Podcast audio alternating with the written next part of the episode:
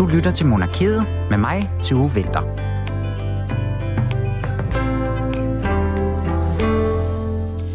Rigtig hjertelig velkommen indenfor her i Monarkiet på Radio 4. Det her det er jo programmet, hvor vi kigger tilbage på ugen, der er gået i kongehusene rundt om i verden. Og hvis vi ser på herhjemme, så får vi i den grad noget for vores skattekroner for tiden. De render alle sammen rundt til den ene åbning efter den anden og deler priser og hæder ud til højre og venstre. De holder middag, de rejser til Litauen, de får nye jobs og de dropper ud af uddannelser. Især det sidste, det kommer det blandt andet til at handle om i dag, fordi at prins Felix han har jo droppet militæret, hvilket altså har medført en del omtale af den her unge prins og hans beslutning. Under overskriften Prins Slapsvans, der skrev chefredaktør på newsbreak.dk Claus Jessen om, hvad han mente om sagen. Og som overskriften måske indikerer, så er det altså ikke entydigt positivt, og jeg får Claus Jessen til at uddybe hans øh, holdning her lidt senere. Hvis vi så vender blikket lidt væk fra os selv, så har de over på den anden side af Nordsøen altså problemer af helt andre dimensioner, nemlig over i England. Prins Andrew, der er indblandet i den her store sexskandale omkring Jeffrey Epstein, han, øh, han modtog tidligere her tilbage i august et civilt søgsmål om seksuelle overgreb, og siden er der blevet trådt lidt i vande i den øh, engelske folk her. Hvad det her søgsmål det betyder for prinsen og sagen, det kommer Begitte Borup og øh, fortæller om. Hun er udlandsredaktør på Berlingske. Julie Lindhardt Højmark, hun er på pletten lige om lidt til at runde lidt af alt det andet, så der er en masse, vi skal nå i dag. Så rigtig hjertelig velkommen til Monarkiet.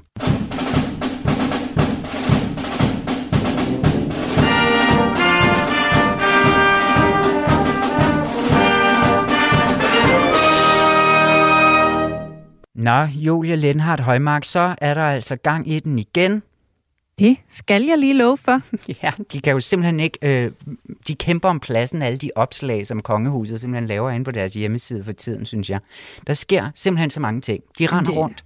De, ja, de render rundt. Det er simpelthen en vidunderlig tid at være royal reporter på. Jamen, det er, det er en vidunderlig ting at være i live ja, hold da op. Ja. Der er rigtig en, der er kommet sig over i corona-lockdown der. Ja, præcis. Ja, men altså så dejligt. Men faktisk så starter vi jo på lidt en anden et andet sted på Instagram, om man vil, fordi at vi skal lige prøve at snakke lidt om hende her, Benedikte Tostrup, som i Tostrup, det bliver jeg lidt i tvivl om. Tostrup, øhm, tror jeg. Tostrup, som jo simpelthen også har trukket lidt overskrifter i den her uge. Og hun yeah. er jo kærester med prins Nikolaj. Så vi starter simpelthen med den mindst kongelige, efter vi lige har siddet og talt om, øh, hvor meget de laver alle sammen. Jamen det gør vi jo, fordi ja. man kan jo gå ind og følge med inde på, øh, inde på kongehusets øh, forskellige sociale medier. Ikke? Nå ja, man Her... behøver slet ikke også faktisk. Nej, i hvert fald ikke til at se alle de bånd, de klipper og åbner ting for veteraner og ja, alt muligt. Men vi vender lidt tilbage til det senere. Men skal vi ikke lige, vi snakker lige om hende her Benedikte først her. Ja, lad os gøre det. Hvorfor er det, ja. hun har fanget vores opmærksomhed? Jamen det er det jo fordi, Tak fordi du spørger, Julie. Det er jo simpelthen fordi, at hun, øh, at, at hun er blevet signet som model. Hun er jo simpelthen øh, blevet kollega nu med sin kæreste, kan man sige, fordi at hun er blevet signet på det Bornholmske modelbureau Born Models, der altså holder til i Å Kirkeby over på Bornholm, af alle steder. Der er hun simpelthen kommet i folden hos dem, øh, som man siger. Det er så her og nu, der ligesom har gravet den her historie frem. Og det, som der sådan er lidt spændende nu med hende her, Benedikte, fordi at hvis du så går ind på hendes Instagram-profil, så er det altså som om, at hun lægger lidt i, i selen til, at man, øh, at der altså nu skal promoveres noget her på, den, på hendes platform. Fordi at alle hendes billeder, der er et billede fra 2018, og derudover så er alle andre billeder, de er ligesom taget inden for de sidste par måneder, og er meget sådan lækkert influenza-agtigt miljø. Så enten så er, er hun bare først kommet rigtig i gang med at bruge Instagram nu. Jeg har ikke fulgt hende så længe. Øhm, eller også har hun altså været inde og rydde op for ligesom at kunne lægge en ordentlig strategi. Yes. Ja? ja. Jeg tror meget på det sidste. Jeg synes, det er, jeg synes, det er en drøn skarp iagttagelse, du har gjort der ved at sige, at timingen mellem, hvornår den her øh, historie om, at hun nu også øh, giver sig i kast med en karriere som model, den kommer uhyggeligt tæt på, at hun har været inde og rydde op på sin Instagram-profil. Det gør det nemlig, og det kommer også uhyggeligt tæt på, at de nu er flyttet til Paris, de to unge mennesker, og skal studere ja. dernede, og der ligesom er et, et liv og, at rapportere fra, ikke? På jo, man kan sige, når vi måske også sidder her og spekulerer lidt i øh, timingen, så er det jo også fordi, de to sådan set har været kærester siden 2018, i hvert fald så vidt offentligheden ved, og, yes. øh, og at de mødte hinanden på, øh, på Herlufholm, den her kostskole, hvor de begge to studerede, og har jo igen, så vidt vi ved, vi kan jo ikke vide, om, om det har været kompliceret i en periode, men i hvert fald har de da hængt sammen øh, udad til lige siden.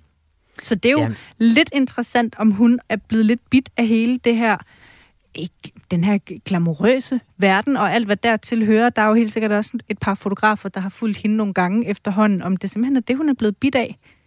Og der kan jeg jo lige skynde mig at sige, at det havde jo været allerbedst, hvis vi kunne spørge hende om de her ting. Og jeg har faktisk prøvet at skrive til Benedikte Tostrup for at høre, om hun havde lyst til at fortælle om det her, men har altså ikke endnu hørt tilbage fra hende. Men det kan jo være, at vi er heldige en dag at få hul igennem og kan høre, om hun er ved at etablere sig som royal influencer. Mm, fordi at hun har altså alle mulige gode kort på hånden, fordi at udover at hun jo så er studerende, og har studeret i Frankrig tidligere også, øhm, altså så har hun nemlig også det her brand, der hedder Benesoy, eller altså nu må du hjælpe mig i det franske, Julie, du er jo en fransk connoisseur. Jamen, jeg er ikke sikker på, hvad det skal betyde. altså jo, skal... Benet, det er helt sikkert, der leger hun jo lidt med sit eget navn, tør jeg ja, godt øh, øh, påstå. Øhm. Og så er det noget med silke. Fordi at det, hun laver, det er sådan nogle silkepølser til håret, sådan så du kan lave krøller i dit hår, uden at bruge sådan et varmt krøllejern, der ikke er så godt for håret. Så det her med, at hun har sådan et, et wellness brand, hun har en, en meget prominent kæreste, og hun nu altså også kører en modelkarriere. Ikke? Det er altså tre gode kort at have på hånden, hvis du vil øh, skabe dig et navn inde på øh, Instagram, ikke? Jo, og altså, hun har jo også allerede lagt et billede op, hvor man kan se, at hende og prins Nikolaj hygger sig sammen i øh, Paris. Og der er jo et eller andet i... Altså, hun er jo en, en voksen kvinde, der formentlig ved, hvad hun laver, så hun må også vide, at hun på den måde fanger offentlighedens opmærksomhed, når der sådan ligger i sådan et billede, hvor man kan se, at de har det smadret hyggeligt sammen. Helt bestemt, og det, og jeg synes, og det blev jo nemlig også sådan lidt en historie, som der blev taget op rundt omkring, at se det søde billede fra Paris. Ikke? Øhm, og jeg synes, det er spændende, hvis det er, der skal køre sådan et influencer-show, øh, om man vil, altså mm. med, med hende i hovedrollen. Så synes jeg, det er super spændende, hvordan at kongehuset ligesom øh, vil gribe det an, fordi at de kan jo ikke gå ind og lægge sådan en bånd på hende, øh, skulle man mene, ikke? Det kan de da helt bestemt ikke, men jeg tror, du har ret i, at det er nok ikke øh, kongehuset selv, der har fået den her idé, eller på nogen som helst måde har prikket til hende og sagt, øh, hey, kunne du ikke lige? Nej, kunne du ikke lige promovere jeres liv, den her? Det er, lidt, det er sådan lidt en anden strategi. lidt ud af jeres forhold? ja, det er lidt en anden strategi, end, end uh, Lene Balleby, hun ja, plejer at køre, ikke? som har kommunikation, som står for det hele ellers i kongehuset. Så jeg ja. synes, det er lidt spændende om, hvor meget vi ligesom får lov til at se den unge prins øh, figurerer inde på hendes forskellige platforme her. Jo, og også en spændende balancegang, fordi det er jo hele det her med, altså, som vi også har talt om før, det her som kommunikationschefen Lene Balleby tit i tale sætter, at der skal ligesom være den der forskel imellem øhm, hvad skal man sige, eller der, der skal være en eller anden grænse for, hvor meget man deler ud til offentligheden. At der skal stadigvæk være lidt den her mystik omkring kongehuset. Vi kan ikke bare lægge det ja. hele ud og sige, værsgo, her er vi søndag formiddag med vores øh, krøllede tømmermænd. Så, og, og det er jo på en eller anden måde den grænse, hun er ved at rykke lidt ved, hvis og nu sidder vi jo bare og gætter, men hvis der i fremover kommer mange flere altså nogle private billeder, ja. øh, som også jo, altså hun kan jo gøre, hvad hun vil, fuldstændig, uden problemer, men i hvert fald, hvis mange af billederne involverer Nikolaj og den kongelige familie i øvrigt, så er vi mm. jo i mhm. hvert fald ude i noget, vi ikke rigtig har set før. Og det kan jo også sagtens være, at Nikolaj han super gerne vil være med til det her. Det også kan sådan promovere ham på en eller anden måde. Altså, ja, det er noget, de går ind i sammen. Og det ved jeg så ikke, hvor meget han sådan får lov til, eller hvordan de har tænkt sig at gribe det an i hvert fald. Nej, der er nok ikke andet at gøre, end bare at følge med og se, hvad der sker. Og så øh, håber at de der øh, born models, som jeg aldrig havde hørt om før, har held med at have, have hyret hende. Ja, jeg tror, det er rigtig set over på, øh, over på Klippeøen. Det er da, hende, hende med. Det er et navn. Altså, ja, se der bare, hvor meget opmærksomhed det modelbureau har fået den seneste uge. Det der er et scoop. Ja, helt vildt. Yes. Ja, men nok om Benedikte så. Ja. En anden type, der nu ej, jeg prøvede at lave en fin overgang til Ulf Pilgaard, der nu går halv på pension. Simpelthen også ventet i spænding på, hvad det var for en type overgang, du var ude i. Fra ja, ny job til en, der, der slutter i et job igennem mere end 40 år. Ja, præcis. Fordi vi bliver mm. også nødt til lige at vende den hyggelige lille øh, hæder, som han fik, da han jo altså sluttede på, øh, på Cirkusrevyen, og dronningen kom og overraskede alle. Jeps, hver en. Ja. På Hver og en. Og kom nemlig ja. op på scenen, der, mens at Ulf Pilgaard står i det stiveste dronning Margrethe øh, outfit, og, øh, mm. og altså har lige færdiggjort sin sidste parodi på hende. Det Måske er skønt. nogensinde, who knows. Det er jo nemlig det, og, og det er derfor, øh, jeg synes, det var et rigtig fint øjeblik, fordi det var en fin måde at anerkende på, at han ligesom igennem flere årtier har lavet den her meget elskede parodi på dronningen, som jeg tror langt, langt, langt de fleste på en eller anden måde kender til eller har hørt om. Altså, ja. Det har jo på en eller anden måde været Cirkusrevyens brand, at at man kunne sidde og håbe på, at Ulf Pilgaard ville dukke op og parodiere øh, enten dronning Margrethe eller prins Henrik, som han jo også har gjort af flere omgang. Ja. Og jeg tænker, at det store spørgsmål lige nu er, hvem i alverden, der skal løfte den arv, hvis den ja. overhovedet skal løftes, fordi det er jo heller ikke sådan, at vi længere ser Preben Christensen turnere rundt øh, med linje 3 og lave sin dronning. Altså, jeg tænker, det er ligesom de to, vi har, som har lavet en parodi på hende og, og ja, på kongehuset igennem så mange årtier, at jeg kan simpelthen ikke se for mig, hvem der skal efterfølge dem.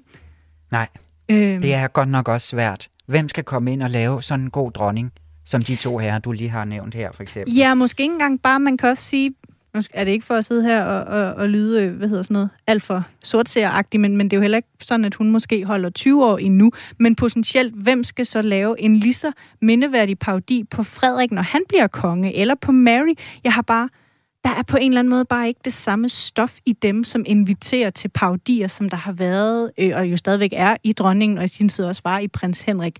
Så det er det, jeg mener, hele den her, øh, ja, at løfte arven med i det hele taget at lave paudier på kongehuset og den siddende regent, det er jeg godt nok spændt på, om det nogensinde det kommer op spændende. på samme niveau. Ja, det er virkelig spændende. Og der er jo, vi snakkede jo, vi har snakket med Ulf Pilgaard en gang, det var tilbage i december eller sådan noget sidste ja, år, lige præcis. Jeg, hvor at han jo var med i det her program, og, for, og vi også snakkede lidt om, at der måske ikke er helt lige så meget guf, som du også siger, på, på, øh, på Frederik og Mary på samme måde. De er ikke helt lige så karikeret, øhm, eller, eller sjove, som dronningen jo sådan set er også, ikke? Øhm, ja, så det kan man jo også gå ind og høre, hvordan hele Ulfs arbejde har været med at portrættere øh, mm. dronningen her. Ikke? Ja, men, men hun, han, han, han modtog altså et øh, askebæger fra dronningen. Det synes jeg da også var så sjovt. Det var da en det sjov gave, var? Ja, med et monogram på. Det vil jeg da elske at have derhjemme, når jeg skal byde mine gæster på en smøg og sige, ja, ja det er jo det. Med dronningens monogram i bunden, hvis du sidder og undrer dig. Ja, og en sådan fin gestus, som, øh, som, som kongehuset gjorde der. Og det var øh, efter sine kongehuset selv, der øh, havde sagt, at de ville gøre det. Altså havde kontaktet Cirkusrevyen og sagt, det her det kommer til at ske. Sådan. Vi ja, må se, om nej. vi får øh, samme gestus den dag, øh, du stopper som vært ja. på, øh, på monarkiet. at så dukker hun op med, ja, hvad så kan hun så have med? Ja, jamen det ved jeg ikke. Jeg vil gerne nej. have et askebær. Jeg er sikkert den eneste, der stadig ryger om, om 40 år. ja. ja, det kan være. Vi må vente og se, hvad fremtiden vil bringe til. Ja. ja, det bliver så spændende. Ja, men vi skal simpelthen lige nå at runde en anden lille ja. historie, som ja, også er, er ret interessant. Jamen, den er nemlig ret interessant, fordi at prinsesse Marie, hun har jo også fået et nyt job. Det er også spændende. De har endelig fundet en plads til hende i Paris, og det er jo så dejligt for hende. Det hun er blevet, hun er blevet særlig kulturrepræsentant ved den danske ambassade i Paris. Så hun ja. bliver altså på den måde kollega med sin mand, mm. øhm, og skal ligesom være sammen med ham inde på ambassaden, og hun skal sådan fremme dansk kultur og samarbejde generelt i Frankrig. Øh, og det, er jo, det synes jeg var rigtig dejligt, hvis hun faktisk har fået noget reelt at rive i. Problemet er bare, at det altid er svært med de her... Øhm, øh, hvad hedder det? Altså med de her sådan øh, titler på, øh, på arbejdsområder, som er sådan lidt flyvske. Ja. Ja. Hvordan, hvordan vil hun gøre det, eller hvad skal hun arbejde med, eller sådan? Ja, det er ikke sådan super konkret, det kongehuset har meldt ud i forhold til, hvad, hvad det her egentlig altså medfører. Nej.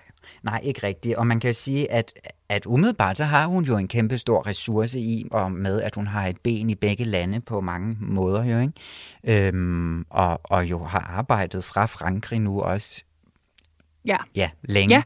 Ja. Ikke? Jo, så på den måde giver det god mening. Jeg synes måske bare, det er lidt ærgerligt, at, øh, at hun på den måde bliver øh, placeret under Joachims vinger, og at de to på en eller anden måde bare kommer til at fremstå mere og mere som sådan en enhed, hvis eneste opgave, det er at fremme dansk-franske forhold. Mm. Fordi det, det er jo ret, rigtigt, som du siger, det er jo helt åbenlyst med hendes øh, øh, franske baggrund, at ja, der kandiderer hun da helt åbenlyst til det her, men på den anden side havde det ikke også, altså, Havde det ikke været frisk nok at, at prøve noget andet? At det hele ikke skal være så dansk-fransk med dem kun? Men tror du ikke, at det er dejligt for dem, at det er blevet sådan ret konkret? Jo, det er da altså... sikkert skønt. Jeg tænker bare, at en af styrkerne ved Frederik og Mary, hvis man skal lave en lille sammenligning, er, at de, jeg synes, de, har, de er enormt gode til at have hver sine områder, som ja. de repræsenterer og er ansigt på udad til. Så på den måde kommer de jo ved kun at være to på en eller anden måde til at dække mange flere opgaver, hvor jeg synes, Joachim og Marie er også to, men de er meget, alt hvad de laver, er meget centreret på at styrke forholdet mellem Danmark og Frankrig. Og det synes jeg bare ja, godt, man kunne have rystet jo, posen lidt på en eller anden men, måde der. Men det er jo også det, som jeg måske ikke er helt sikker på, eller noget, man skal passe på med, det er jo at sammenligne de to. Ikke? Det er også noget, vi har snakket om ofte, fordi de er en helt anden en helt anden position, end kronprinsparet er. Ikke? Så på mm. den mhm. måde, så tænker jeg, at det er rigtig fint, hvis de faktisk får den konkrete opgave, i stedet for at øh, prinsesse Marie, hun skal flyve frem og tilbage for at snakke om madspil en gang hver fjerde, tredje måned-agtig, ikke? Øhm, jeg, jeg ved ikke, jeg ja. tror måske, at jeg godt kan, jeg synes, at det er rigtig skønt, at der nu støder sådan et power couple, som bare sådan varetager danske danske forpligtelser i Frankrig. Ja, for filen, hvor bliver de varetaget nu? Både på ja, kulturområdet de, ja. og sikkerhedsområdet, og jeg skal komme efter dig. Ja, nu har de snart hele, hele skansen der, så må de få børnene ind i det også, hvis der er flere områder, der skal... Ja, der skal vi ved jo, Nikolaj og Benedikte også render rundt nede i Paris, så der de er ingen grænser også... for, hvad det kan føre til. Ja, og de er jo snart en del af sådan erhvervslivet, altså, og så de tager sig ligesom alle de erhvervsmæssige ting, ikke? Marie jo. på kulturen, Joachim på forsvaret, Nikolaj og Benedikte på erhvervslivet. Bum. Ja. Jamen, det er faktisk bare et spørgsmål om tid, før vi også bliver, øh, hvad hedder det, noget Frankrigs kongehus. Ja, det tror jeg det er bestemt. De overtager det hele. Ja, nå, men altså, vi, nåede, vi når ikke mere nu, Julie. Nej. Nej, det, og vi har vi også snakket længe nu. vidt omkring. Ja, lige nøjagtigt. Ja, og der er jo altså en masse at hive fat i. Gå selv ind og, og følg uh, kongehuset ind på deres Instagram. Hold op, hvor de arbejder. Ja. Det er så dejligt. Nå, tak skal du have, Julie. Papa, man siger, at den man elsker, tugter man. Vi tvivlede aldrig på din kærlighed. Yes, og en af de altså helt store historier fra den her uge og øh, den kongelige familie, det var jo det her med, at Felix han simpelthen har valgt at stoppe i militæret. Og i den forbindelse, der skal jeg nu sige velkommen til chefredaktør på newsbreak.dk, Claus Jessen. Velkommen til Monarkiet. Ja, du. Tak, fordi du vil have mig med. Jamen altså altid. Ja, fordi at du skrev jo en noget, hvad, vil, ja, hvad skal jeg kalde det? En lidt hård overskrift, fordi at du kaldte jo det her, du kaldte prins Felix for prins Slapsvans i, øh, omkring hele det her emne i en leder, som du skrev. Hvorfor, hvorfor prins Slapsvans, som jeg må starte med at spørge? Det må du meget gerne starte med at spørge om. Se, altså i min optik har både prins Felix og prins Nikolaj optrådt utroligt slapt i den her sammenhæng. Man melder sig til en militærtjeneste, og man gennemfører den ikke, og så damper man ud uden anden begrundelse, end at det ikke lige var noget for en. Det synes jeg er slapt. Og når man så skal lave en skarp overskrift på en leder, ja, så passer slap og slapsvans ganske udmærket sammen, og derfor kommer man til at hedde prins Slapsvans. Og dermed mener jeg jo ikke, at Nick Nick kan være god og sød og en dejlig ung mand på masser af andre områder. Men lige når det gælder hans enrollering i den danske armé og udrulleringen bagefter, så synes jeg, at han har handlet for, for alt for mm. slapt efter, efter min optik. Men du kalder også, altså hele signalværdien i det her, den kalder du for, altså for blodig alvor. Hvorfor er det så alvorligt det her med, at de to drenge, de ligesom uh, har droppet militæret? Det er fordi, det lige præcis er militæret, de har droppet, eller forsvaret. Hvis de havde gået ind på tandlægehøjskolen øh, og, og læst til tandlæge i et stykke tid, og så finder ud af, at de hellere vil læse medicin eller jura eller noget andet, så var ikke en kæft, der ikke af det. Der var knap nok nogen, der havde mærket det, og jeg ville have været fuldstændig ligeglad. Men når man, der er en meget stor signalværdi i, når to prinser efterfølgende øh, forlader militæret på den måde, de har forladt det. De har ikke engang gennemført, hvad der svarer til den almindelige værnepligt på fire måneder, lidt afhængig af, hvad for et værn man er i og sådan mm. noget. Og, og, det, og så synes jeg, at, at lige præcis monarkiet og vores kongehus og forsvaret har altid været to meget tæt forbundne kar. Og det har de jo været historisk, fordi at forsvaret skulle selvfølgelig beskytte vores monarki i tilfælde af en krise eller i tilfælde af en krig. Så kan vi altså ikke have nogen prinser, der først melder sig og så melder sig ud så kort tid efter. Det synes jeg ikke, man kan. Men er det ikke, er det ikke en lidt gammeldags opfattelse øhm, af det her? Altså er det ikke lidt sådan en... Kan de ikke ja, være med på en anden måde, selvom de er to unge drenge? Jo, men hvad for en måde skulle det så være? Altså, hvis de, jeg har jo ikke bedt dem om at melde sig ind. Der er jo ingen, der har bedt dem om at melde sig ind i militæret. Øh, men er det ikke vigtigt, at de sådan går og glade? At de går og glade? Jeg vil ikke hellere have to glade unge mænd end to øh, drenge, der ligesom fordi, at der er et eller andet gammelt postulat om, at øh, prinser de skal være i militæret.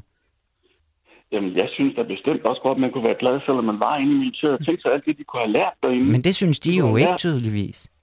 Nej, men jeg tror måske, at de skulle have givet det en chance, både over for sig selv, over for forsvaret, over for, øh, over for kongehuset. Altså, jeg er så gammeldags øh, opdraget, at hvis man ligesom går sig i kast med noget, så gennemfører man det. Og dermed mener jeg ikke, at, at, at øh, prins Felix at skulle være firestjernet general og gå rundt med fipskæg og, og elfenbenstok under armen. Det er jo slet ikke der, jeg vil hen. Men han har meldt sig til en uddannelse som er 12 måneder, og så går han efter to måneder. Det vil sige, at der er 10 måneder tilbage Jamen, undskyld udtrykket, men hvad fanden skulle der da ske ved, at han gennemførte de 10 måneder? Han kunne allerhøjst lære noget. Han kunne lære noget om ledelse. Han kunne lære noget om at puste støvler. Han kunne lære noget om at indrette sig efter ganske almindelige mennesker. Det er for den eneste gang i hans liv, han aldrig nogensinde vil blive behandlet som anden en prins. Men det de, tre, jeg, men de tre ting, det lyder da også drønkedeligt, hvis jeg må være så fri. Kan han, ikke, han kan da komme ud og lære noget i erhvervslivet, eller han kan da komme ud et eller andet andet sted, hvor han kan repræsentere Danmark. Jamen, det, det ene udelukker jo ikke det andet tur. Han kunne jo ganske fint, øh, lige præcis som du siger, tage ud og være noget erhvervslivet bagefter. Men mm. det er jo ikke mig, der har meldt ham ind øh, i forsvaret. Han har meldt sig selv ind. Så Nej. synes jeg bare, så må man ligesom køre lidt videre i den skrue. ja, men tror, altså det, når jeg hører dig snakke, så lyder det jo lidt som om, at du også lidt betegner dem som en lille smule forkælet. Det her med, at det er gået så ja. hurtigt med, at de er stoppet. Er det rigtigt? Ja, ja, ja. det må jeg helt klart sige. Fordi at... Altså, jeg oplever... Ja, undskyld. Nej, værsgo, du kører bare. Ja, altså jeg oplever dem som forkælede, og med det mener jeg ikke noget ondskabsfuldt, at jeg ikke kan tåle, at der er nogen, øh, som, som har en god og tryg opvækst på Apanage, som de jo har haft. Øh, bevares, det må de gerne være. Kongehuset må gerne være forkælet. Jeg misunder dem ikke et øjeblik, de er derinde. Mm. Men det jeg bare siger, det er, at når man har meldt sig til noget, og lige præcis forsvaret, altså når man melder sig til forsvaret, så er det altså et firma, man melder sig til, hvor man faktisk melder sig ind til, at man kan gå ud og skulle dræbe andre mennesker, eller selv blive skudt. Det er jo ikke som hvis du bliver ansat i Danfoss eller på universitetet eller noget. Det er en helt anden størrelse, lige præcis for, hvad forsvaret repræsenterer. Jamen, det, og der ja. synes jeg lidt, man håner lidt de mennesker, som drager ud på udenlandsmissioner og så videre. Så kan man ikke engang klare fire måneder som værnepligt. Men man kan måske også sige, at hvis du synes, han er en prins Slapsvand, så er det måske helst ikke sådan en, vi vil have ind og gå i krig. Det er en god pointe. Den, har jeg ikke tænkt på. Men så kunne forsvaret jo selv bede ham om at sige, synes du ikke, du skal smutte nu, kammerat? Ja, fordi så måske du, du skal finde på noget andet. Det skal finde på noget andet, og skyde dig selv i fødderne. Ikke? Det, kan, det, det kan jeg ikke udelukke. Altså, det er en god pointe. Men altså, du siger jo også det her med, i, i den her leder, der siger du også, at hans status som rollemodel, den lider et knæk. Altså, hvorfor, hvorfor gør den det? Kan man ikke være en lige så stor rollemodel ved ligesom at, at, at følge sit hjerte? Jamen, det kan jeg jo se ud af de mange læsere, som, som har læst lederen, fordi det, de deler sig om meget, og der er der en masse mennesker, der er imod mig og synes, det er helt forkert, øh, at jeg angriber ham lidt. For de synes jo, at man, han skal have lov at vælge efter sit hjerte, og han skal have lov at, at forfølge sine drømme. Og mm. det synes jeg da også, han skal. Men jeg synes bare, at når man har meldt sig til noget, så kan man godt gøre det færdigt, specielt når det kun handler om 10, om 10 måneder, så kan han drømme videre bagefter. Ja. Men altså, nu øh. står jeg... Du snakker faktisk med noget af en dropout. Jeg droppet ud af tre uddannelser, tror jeg. men du ved sådan noget alligevel, jo. Jamen altså, der skulle jeg jo rundt og lede lidt, og jeg skulle ud lige og undersøge lidt, og altså, det er da en lige så stor rollemodel for mig at se, at der er nogle andre, der siger, ved du hvad, hvis det her det ikke passer til dig, så led efter noget andet. Find noget, du er god til, fordi at du er tydeligvis ikke god til at puste støvler, eller lægge i mudder, eller spise dårlig mad. Ja, men, men se, jeg har bare en anden opfattelse af to, fordi jeg har faktisk undervist øh, et hav af øh, jamen, flere hundrede unge mennesker, der drømte om at blive journalister. Og det har jeg gjort på en højskole, som nu desværre er lukket. Mm. Og der lærte jeg jo meget hurtigt, at der var, der var nogen, som var åbenlyse talenter, og som var glade, og som kunne en masse ting. Og så var der nogen, der gik og trykkede sig lidt i krogen og var lidt bange for at tage udfordringerne op. Men det jeg også så, det var, at hvis man skubbede lidt til dem, hvis man motiverede dem lidt, hvis man skabte glæde for dem og roste dem, og de ligesom overvandt nogle ting på sig selv. Altså frygten for at skulle være studievært, eller nogle af de der ting, vi lavede tv på højskolen, som blev sendt i Esbjerg by, hvor jeg bor. Jamen, det var jo helt andre mennesker efter en uges forløb, hvor de havde sejret over sig selv. Altså i stedet for at sige, jeg bliver stående herovre i krogen, så blev de tunge lidt ind i det der, og så fik de noget undervisning, og så gik de på. Og bagefter, de, de var jo ikke til at skyde gennem. Og det er sådan, jeg synes lidt, at det er lidt synd for de her to prinser, at de starter med det første valg, de laver efter gymnasiet, der laver de et fravalg så kort tid efter. Ja, men altså, det, altså der kan vi måske godt mødes lidt om, at min mor havde nok også sagt til mig, giv det lige til jul eller et eller andet. Ikke? Men hvis vi lige vender tilbage til det, som måske er, fordi at du siger jo sådan set også, at det skader kongehuset som institution. Hvordan tror du, at det... Øh, altså, hvordan det?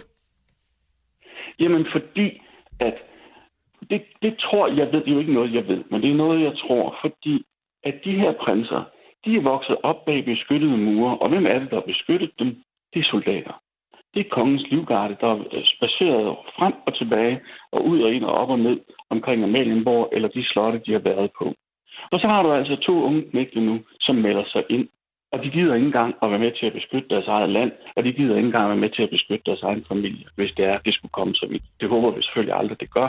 Nej, Men det gør det, det jo nok heller ikke. I det. Ja, det ved jeg da ikke med, med en, en, en vanvittig Putin i den ene ende, og Kim Jong-un i den anden ende, og, og nu er Trump der heldigvis ja. dampet af. Ikke? Så jeg føler da ikke, at her verden den er blevet særlig meget tryggere i de, i de senere år. Så, så jeg vil da gerne have et godt forsvar, selvom jeg egentlig ikke selv interesserer mig særlig meget for forsvar. Men ingen af de her prinser, altså hverken Felix eller Nikolaj, de kommer jo til at modtage nogen apanage, eller altså kommer til det. Har, har vi overhovedet lov til at, at, at, at mene noget om de her beslutninger så? Jeg mener, at demokrati har man lov til at mene noget om alting, øh, som den ene ting. Og som den anden ting, så er det fuldstændig rigtigt, som du siger, at de, har ikke, de modtager ikke apanage længere, men de er flasket op med apanage. Det kan de selvfølgelig ikke være holdt ansvarlige for, at deres forældre har været på apanage. Men det man ikke må glemme, det er, at de har en prinsetitel. Og den prinsetitel, den er langt mere værd, end hvad de måtte kunne have fået i apanage.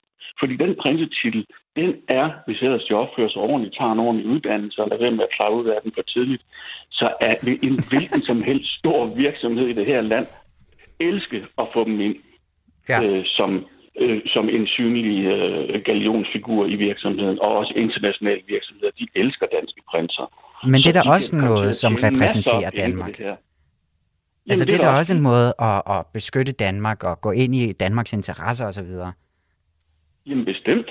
Og det siger, det siger jo heller ikke, at de ikke skal tværtimod. Lad dem da egentlig gøre det. Men, men lad dem nu gøre det færdigt, de har kastet sig over først. Ikke? Altså, så kan vi gå videre til det næste. Og nu kan jeg så godt tænke mig at spørge dig, så fordi, hvad er det, du mener? Hvad er det for en skade, der kan påføre dem, fordi, eller der kunne påføre Felix, bare fordi, at han nu bliver i, forlader det, hvis, fordi, hvis han nu skulle være blevet 10 måneder mere, jamen, hvad er det, det skulle have ødelagt i hans liv? Men altså, det, det er jeg sikker på, at det ikke vil ødelægge Altså, jeg er sikker på, at det ikke vil ødelægge noget i hans liv, men der er heller ingen grund til at være der, hvis man ved, at det ikke er noget, man har lyst til at beskæftige sig med som sådan så er det da meget sundere, hvis han finder ud af, at han skal ned og hjælpe nogen et eller andet, en NGO et sted i Guatemala eller whatever, eller tage en uddannelse, som han virkelig føler, han kan bruge til noget, og så ligesom sige, hvad kan man sige, tak til tak for apanagen den vej rundt, i stedet for at han skal rende rundt og lege øh, røver og soldater i 10 måneder, eller hvor længe det nu skulle være. Det er da bare om at komme ud og bruge sine, øh, alle de forser, man har der, hvor at det giver mening, og ikke bare fordi, at der er en mærkelig tradition, der siger det. Og samtidig så er det jo også sådan, at der er jo masser af børnebørn at tage af, og må ikke en af dem i hvert fald skulle, øh, skulle være lidt af en militær type.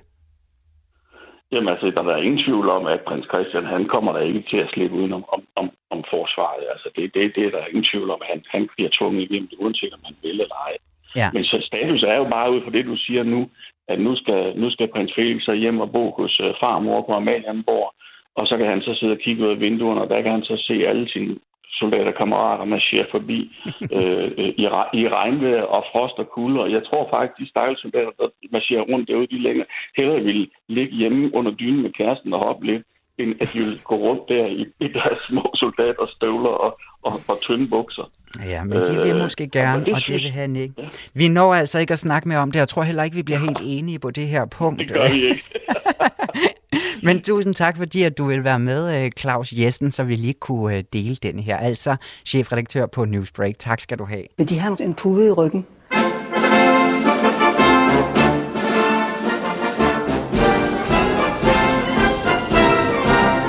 de vil, så har jeg sagtens lånt dem en pude. Oh, det vil jeg vældig gerne have. Øh, hvor er mine møbler blevet? Nej. Jeg Men tror, deres majestæt, det er meget nødt til at sidde på en pude. Hvis jamen, det er bestemt ikke Og det er til ryggen, vi tænker. simpelthen for... Oh, tusind tak. Jeg synes, det kunne, jeg kunne se, at de følte dem lidt langt tilbage. Det er rigtigt nok, øh, men jeg troede, jeg skulle sidde på en pude. Det nej, nej, nej, nej, nej, nej, nej.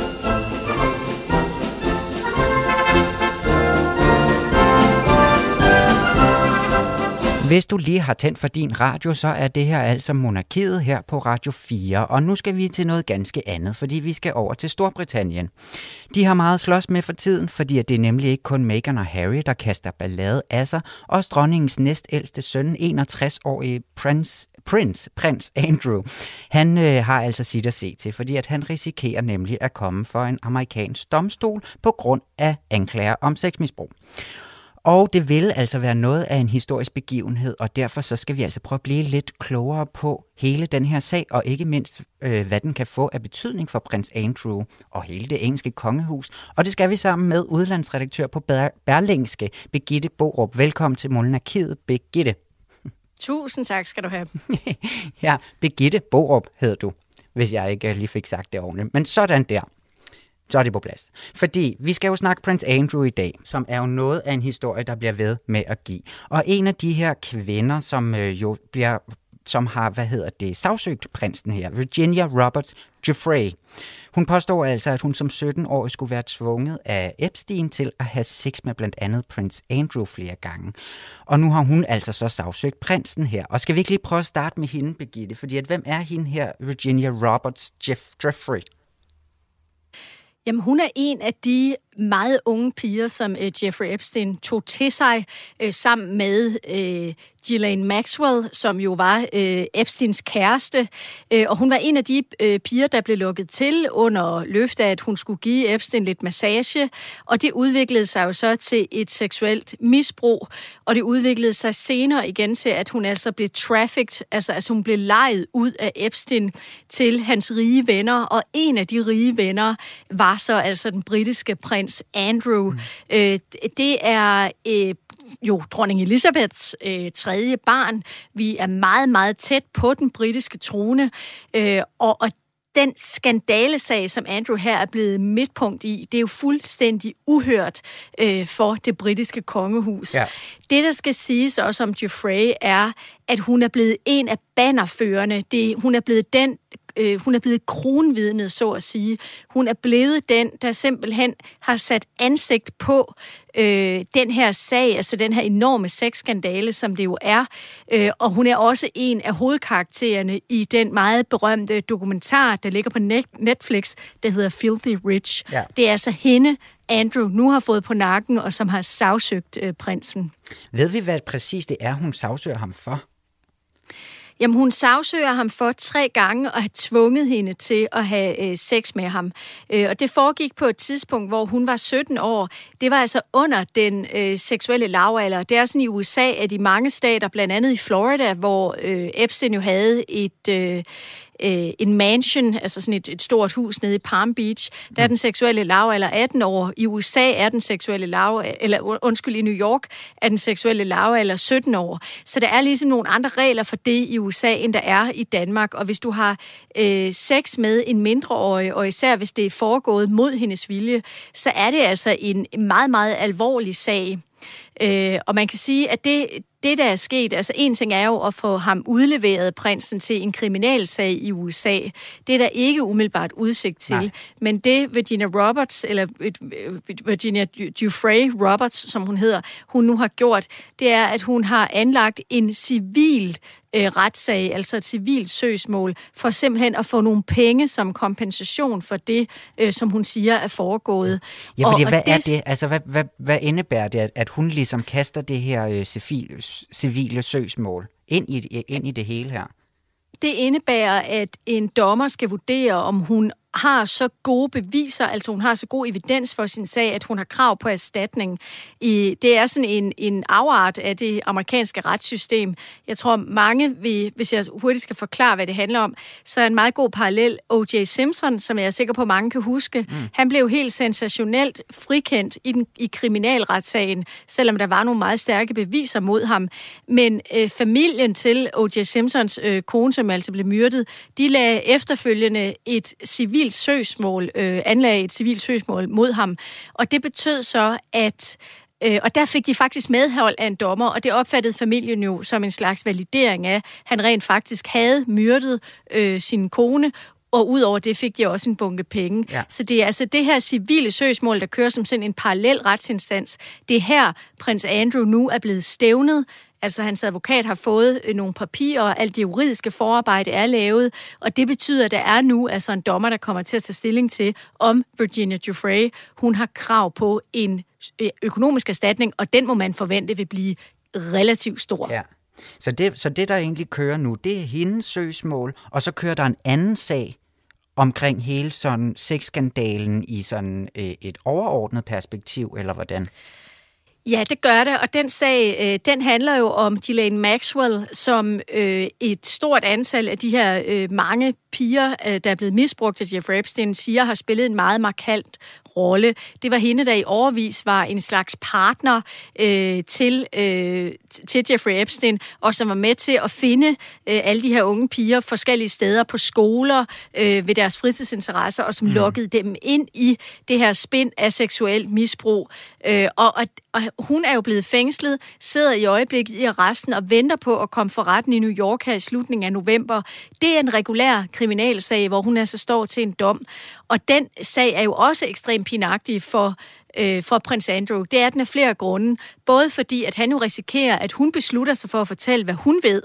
Og hvis hun gør det, så kan det jo blive meget, meget grimt. Ja. Øh, både for øh, Andrew og for mange andre i øvrigt af de her kendte rige mænd, som øh, angiveligt også har været med i det her sexmisbrug. Og så er det også en belastning for ham af den grund, at han ikke kan sætte sin ben i USA, øh, fordi han ganske enkelt risikerer at blive anholdt af FBI i det øjeblik, han sætter fødderne på landingsbanen. Mm. I første omgang kan han blive slæbt ind for vidne i retssagen, men også senere i livet, øh, der risikerer han rent faktisk at, at blive slæbt til afhøring. Så allerede nu tror jeg godt, vi kan konstatere, at jeg tror ikke, at prins Andrew kommer til at rejse til USA i de år, han måtte have Nej, tilbage. det holder han sig måske lige fra. Men hvor, hvor meget ved vi egentlig omkring Øhm, altså forholdet mellem prins Andrew og så de her, øh, både Epstein her og hans partner osv., er det, hvor veldokumenteret er det, at han er indblandet i det hele? Jamen, det, det må man sige er ekstremt veldokumenteret. Altså, det, det, det der er ekstra pinligt for prins Andrew, han har kendt Jeff, øh, Jeffrey Epstein i en årrække. De lærte hinanden at kende som relativt unge. Ja. Og så fik Epstein jo en dom i slutningen af nålerne, som jo handlede om netop sådan noget øh, seksuel misbrug og rufferi. Øh, og efter det, så var der jo rigtig mange, der trak sig fra Epstein, fordi han begyndte at lugte af noget, som øh, de her rige mænd ikke ville have mere at gøre.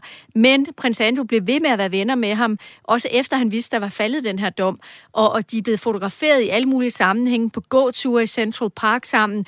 Der ligger også det her verdensberømte billede, hvor Andrew står sammen med Virginia Giuffre, og det må man jo forvente vil blive brugt som et meget afgørende bevismateriale. Ja, og det, og det er fordi, at han jo så er kommet ud og siger, at det er noget med, at det er manipuleret, og han kan slet ikke huske, at, hun har, at han har mødt hende og sådan nogle ting, ikke?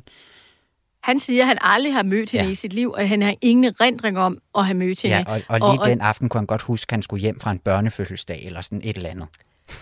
Ja, det er jo så netop det. Altså, og det, og det, det er jo noget af det, som har været meget pinagtigt, at ja. hans øh, alibi har været så ekstremt ja. øh, besynderligt øh, skruet sammen. Jamen skal vi ikke lige prøve så også nemlig at snakke lidt om, hvordan at Prince Andrew han har, har håndteret hele den her sag her? Fordi at hvordan, øh, han holdt jo det her frygtelige interview på BBC for nogle år siden, øh, hvor at han simpelthen sådan ja, han svarede i øst og vest, og han, øh, det gjorde måske mere skade, end det egentlig helt gjorde øh, gavn, i hvert fald for hans position i kongehuset her. Hvordan har han taget imod det her nye søgsmål også?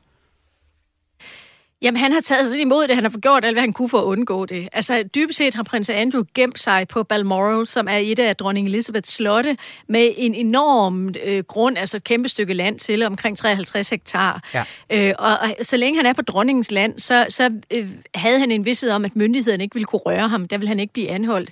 Så der har han siddet i ugevis, øh, og han har sågar øh, gemt sig der, efter han har fået et barnebarn, prinsesse Beatrice øh, har fået et, et barn, som han først så flere uger efter fødslen, simpelthen fordi han ikke ville risikere at, at, at blive øh, taget af politiet. Øh, og han, han afviser jo kategorisk at have haft noget med det her at gøre, øh, men samtidig har han, må man jo bare sige, at han tydeligvis har en frygt for, at det her det kan ende i noget rigtig skidt for ham. Ja. Ja, fordi han har ikke rigtig været så villig til at samarbejde omkring hele den her efterforskning heller i sagen, vel? Altså...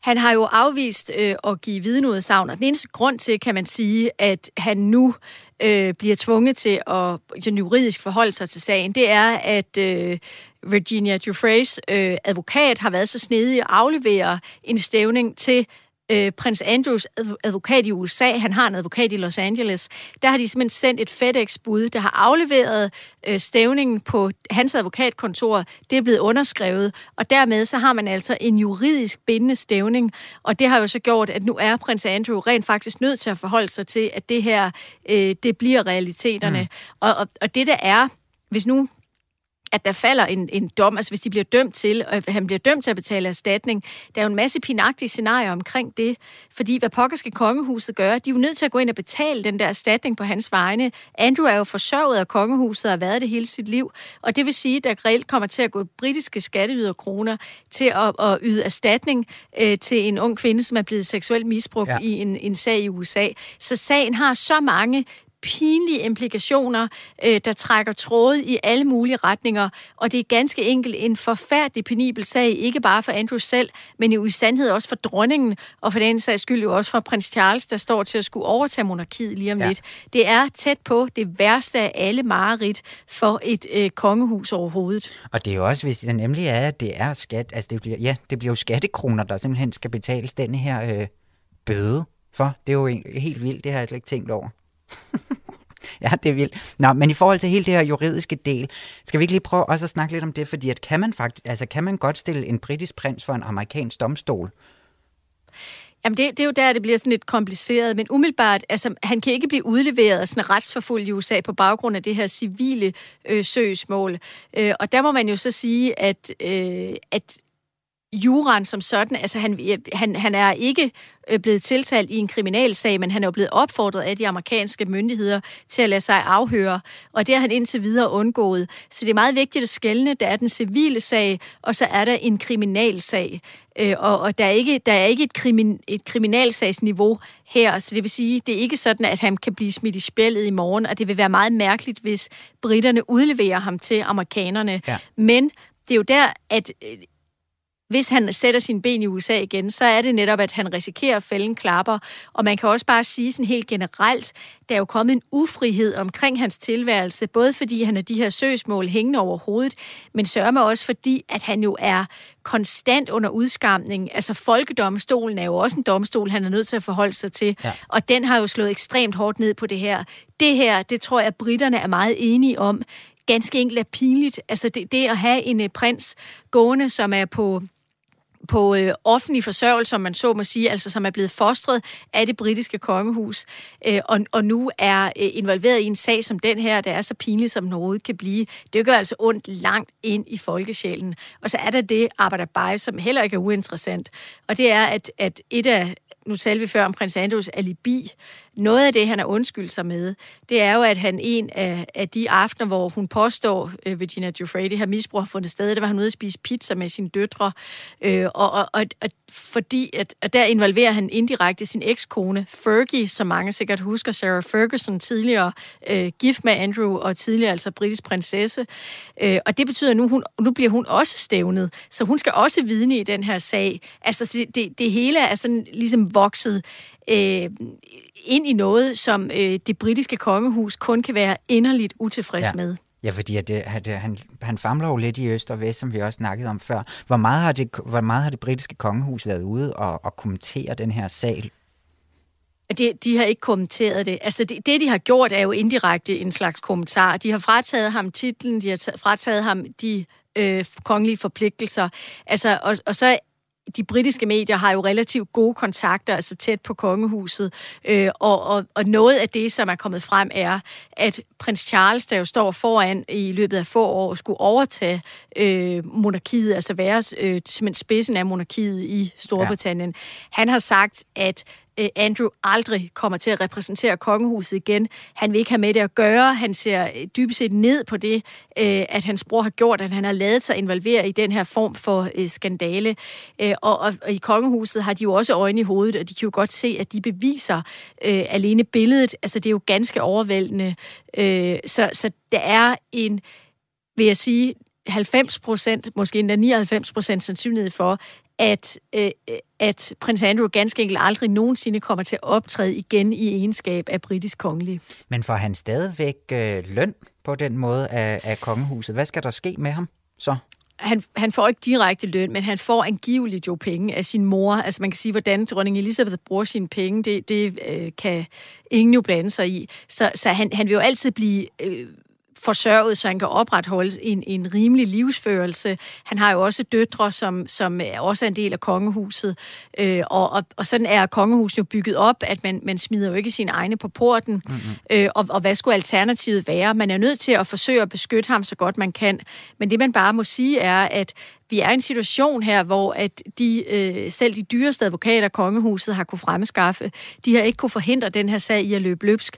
Godt hjulpet på vej jo i øvrigt Andrew selv, som stillede op i det der fuldstændig tåbelige interview på BBC, som jeg er sikker på mange af lytterne har set, hvor han sidder og famler sig igennem en øh, usammenhængende forklaring, og det, der skulle have været en slags renselse, altså et slags comeback for ham, det endte med at grave grøften så dyb, at han bagefter og siden i øvrigt har stået i jeg havde nær sagt lort til halsen, men altså han har bevæget sig rundt i sådan et katastrofeland, som han ikke har kunne slippe ja. ud af.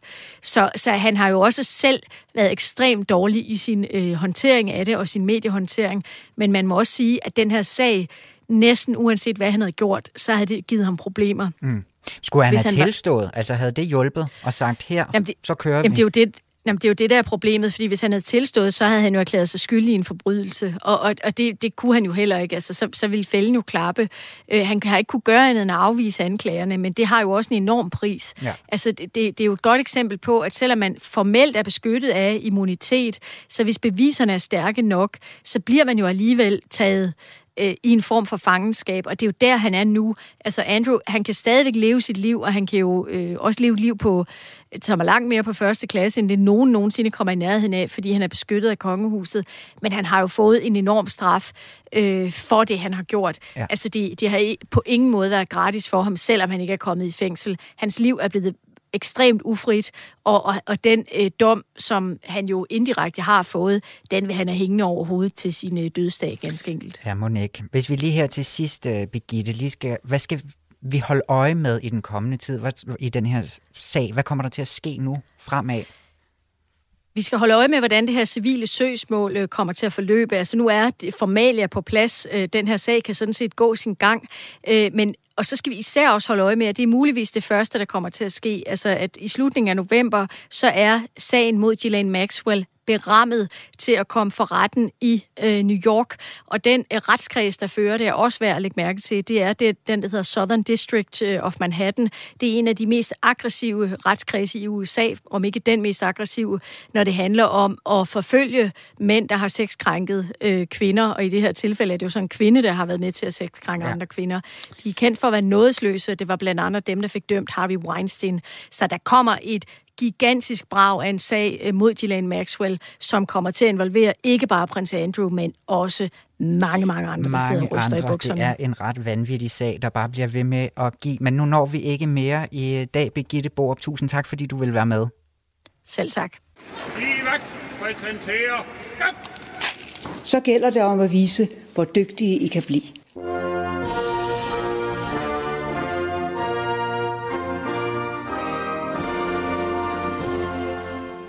Ja, sikke nogle emner, vi har været igennem i dag. Julie, du er tilbage i studiet nu.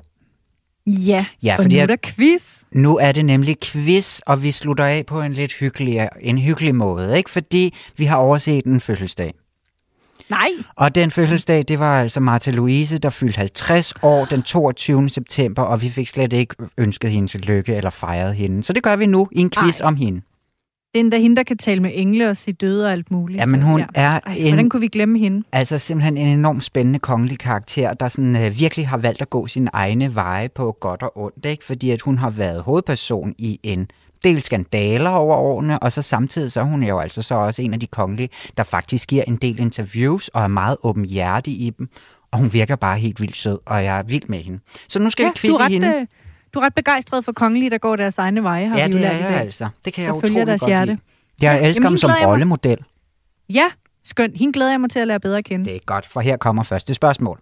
Prinsessen, der jo ikke rigtig længere er prinsesse, hun øh, har jo frasagt sig sine offentlige forpligtelser og sin apanage, men øh, hun fungerer altså stadigvæk sådan lidt som tilbagetrukket medlem af den norske kongefamilie her. Men hun er altså mest businesskvinde. Hun har blandt andet udgivet flere bøger med titler som Født sensitiv, Englenes hemmelighed og Sensitive børn. Nu har hun udgivet en helt ny og anderledes bog. Hvad handler den om? Handler den om A. Katte? Handler den om B. Syltning? Eller handler den om C. Strikning?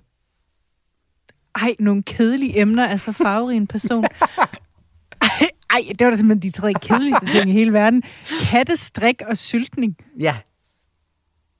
Det er en ny ære for hende, har hun sagt. Altså, det må næsten... Ej, det ved jeg simpelthen ikke, hvad i alverden kan dog... Nej, det må være katte. Der er noget med, der er noget, med noget sort uheld og noget mystik og noget et eller andet. øh, Når man kan se engle, så tror man nok også lidt på sådan andre ting. Jeg prøver katte. Ja, det er en strikkebog. Hun har, Det gider jeg ikke at have. jo, den strikkebogen Hest har hun udgivet. Eller på en hest. Ja, strikkebogen Hest har hun lavet. Og det er altså, Hest, det er altså også navnet på hendes tøjfirma. Og så udkom den så kort før hendes store dag her. Og hun brugte faktisk hele sin fødselsdag på at sidde og signere bøger.